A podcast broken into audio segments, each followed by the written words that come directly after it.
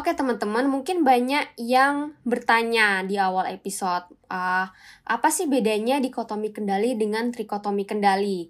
Atau ada yang udah tahu juga nih dari membaca buku filosofi teras, karena di situ juga dijelaskan lebih lengkap gitu ya tentang trikotomi kendali. Nah di sini uh, aku pengen share aja uh, kenapa sih trikotomi kendali ini itu penting gitu. Karena gini teman-teman, Ya, pada realitanya, pada kenyataannya, hal-hal yang terjadi dalam hidup kita itu sebenarnya nggak sesederhana dengan hanya membagi atau mengkategorikan ke dalam dua dikotomi yang sebelumnya, yaitu eh, hal-hal uh, yang bisa kita kendalikan dan yang tidak gitu. Karena uh, hal ini tuh terkesan meng mengesampingkan motivasi kita untuk berusaha untuk memberikan usaha terbaik kita gitu kepada uh, peristiwa yang terjadi di sekitar kita.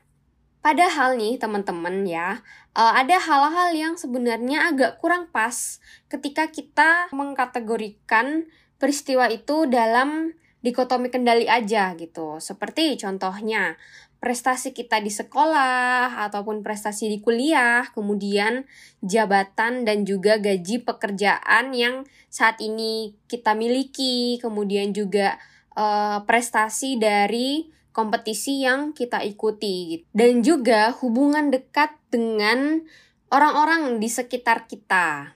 Karena gini, kalau dikotomi kendali itu hanya berfokus kedua hal ya udah ini hal yang kita bisa kendalikan dan ini yang enggak gitu.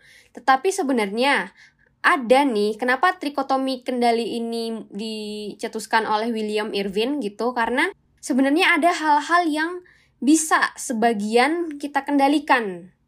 Seperti eh, hal-hal yang udah saya jelaskan sebelumnya yaitu kesehatan, kemudian ada sekolah kita atau kuliah, kemudian pekerjaan, kemudian juga bisnis, kompetisi, hubungan dengan orang lain, ataupun dengan pasangan kita. Jadi, trikotomi kendali itu uh, membuat kita itu hanya memberikan usaha terbaik gitu.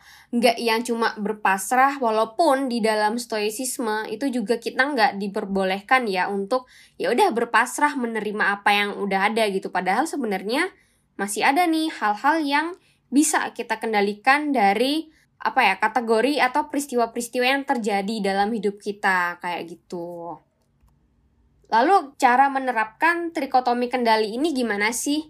Nah, dari buku yang saya baca itu dibilang kalau caranya yaitu dengan memisahkan tujuan dalam diri kita, ya ini disebut dengan internal goal, dari hasil eksternal atau outcome-nya gitu. Nah, contohnya nih seperti ini. Kita misalnya sedang dalam posisi mau skripsian, mau ujian skripsi dan sebagainya ya.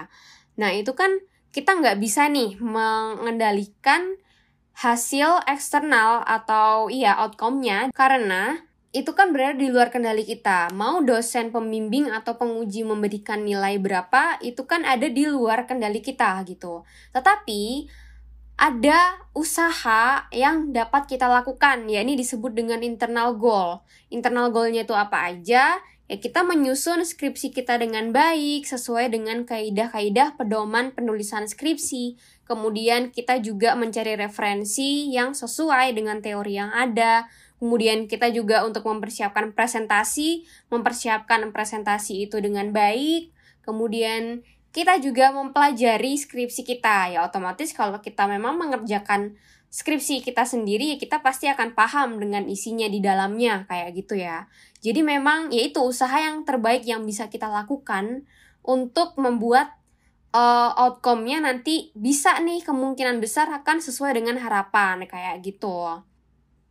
Jadi istilahnya ketika kita uh, berusaha semakin baik dari hari ke hari untuk mengerjakan internal goal atau memberikan usaha terbaik kita, seharusnya nih, seharusnya semakin besar kesempatan kita untuk mendapatkan outcome yang kita impi-impikan, kayak gitu. Jadi kalau misalnya kita bisa memberikan usaha yang terbaik, ya ada kemungkinan gitu hasilnya akan sesuai dengan ekspektasi kita. Tetapi memang dalam stoicisme perlu dicatat lagi ya. Dalam stoicisme kita diminta untuk nggak terlalu berfokus pada outcome gitu. Jadi low your expectation dengan hasil akhirnya atau hasil eksternalnya kayak gitu teman-teman.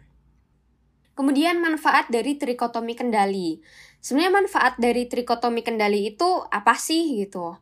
Nah, yang pertama itu adalah uh, kita lebih bisa saving energi dan juga kebahagiaan kita. Jadi uh, kita tuh lebih bisa berfokus pada hal-hal yang bisa kita kendalikan. Jadi kita tuh nggak akan mudah pusing, nggak nggak mudah stres, nggak mudah cemas uh, pada hal-hal yang ada di luar kendali gitu. Karena energi kita kita fokuskan ke usaha terbaik yang bisa kita lakukan kayak gitu. Kemudian yang kedua adalah mental kita tuh menjadi lebih siap ketika out outcome tidak sesuai dengan harapan kita. Karena kan fokus kita di sini itu pada internal goal ya atau usaha yang bisa kita lakukan, bukan pada outcome atau hasil eksternalnya. Nah, ini seperti uh, ungkapan-ungkapan yang sering dibilang orang-orang kayak gini. Manusia hanya bisa berencana dan berusaha. Hasilnya Tuhan yang menentukan perlu diingat banget bahwa ya kita sebagai manusia hanya bisa berencana dan juga berusaha. Hasil akhirnya yaitu eksternalnya itu yang ditentukan ya oleh Tuhan sendiri gitu. Kita nggak uh, ikut campur di hasilnya. Kemudian yang ketiga adalah kita bisa uh, lebih rendah hati karena gini, uh, saat kita berhasil dan kita sukses, kita itu harus selalu ingat bahwa sebenarnya keberhasilan kita itu sebagai yang kita sebut sebagai outcome itu ditentukan oleh faktor-faktor yang ada di luar kendali kita. Karena kan outcome ini berasal dari hal-hal yang tidak dapat kita kendalikan dan juga usaha kita. Jadi kayak apa ya? Kalau misalnya kita bisa lebih paham, oh iya, sebenarnya aku sukses tuh hasil akhir tuh ya ada campur tangan dari hal-hal uh, yang di luar kendali saya gitu. Jadi saya nggak nggak jangan sombong gitu. Jangan jangan terlalu wah ini mah aku sendiri nih dari hasil usaha aku sendiri gitu. Padahal kan ya ada hal-hal yang nggak bisa kita kendalikan di situ. Jadi kita jangan sombong. Kita tetap rendah hati. Kita uh, tahu gitu oh ya hasil akhirnya itu bukan ditentukan oleh kita Nah, jadi kan uh, pembahasan tentang trikotomi kendali ini juga udah ada di buku Filosofi Teras karya Om Hendri Manampiring dan juga uh, di buku dari William Irvin sendiri gitu ya. Uh, kemarin saya sendiri sih sempet kayak uh, baca Serenity Prayer yang akhirnya saya modifikasi sendiri gitu ya dengan versi saya dan berbahasa Indonesia. Uh, mungkin saya bisa bagi ini ke teman-teman biar apa ya karena uh, kemarin saya sempat ada masalah gitu dan sempat mental breakdown juga. Tapi so far uh, udah mulai membaik. Saya ingin share aja karena ini yang bikin apa ya bikin jadi tenang gitu ya dan berkaitan banget dengan topik kita. Doanya tuh seperti ini. Wahai Tuhanku berikan aku kelapangan hati untuk menerima hal-hal yang tidak dapat aku ubah kekuatan dan keberanian untuk mengubah hal-hal yang dapat aku ubah, dan kebijaksanaan untuk membedakan kedua hal tersebut.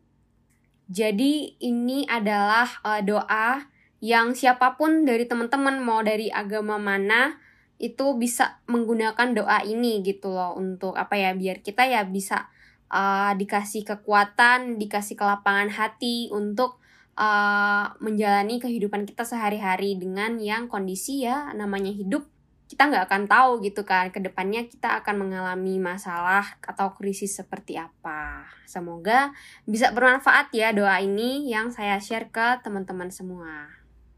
Jadi kesimpulannya trikotomi kendali ini adalah tentang bagaimana kita tuh memisahkan upaya yang dapat kita lakukan dari hasil eksternalnya dengan memberikan energi dan fokus kita ke upaya tersebut daripada mencemaskan hasil eksternal gitu. Kemudian teman-teman kalau misalnya pengen lebih tahu penjelasan lebih lengkap tentang trikotomi kendali, bisa langsung baca buku William Irwin yang judulnya ada di awal episode tadi, dan buku Filosofi Teras dari Om Henry Manampiring. Dan teman-teman nih kalau ada yang pengen ngebahas kak bahas dong topik ini atau mbak bahas dong topik ini menurut uh, mbak gimana nih? Kayak gitu dan ingin dibahas di podcast atau sekedar untuk uh, diskusi itu bisa langsung DM aja ya. Ini terkait dengan uh, filsafat stoicisme gitu ya atau filosofi teras kayak gitu oke teman-teman semua kita udah sampai nih di penghujung episode 23 Stoikes ID. Terima kasih sudah mendengarkan hingga selesai episode ini. Jangan lupa share podcast ini jika menurut teman-teman bermanfaat ya. Kritik, saran, diskusi, dan pertanyaan bisa langsung teman-teman sampaikan melalui DM ke akun media sosial yang ada di deskripsi episode ini. Saya Sita Putri pamit, sampai jumpa di episode selanjutnya. Bye!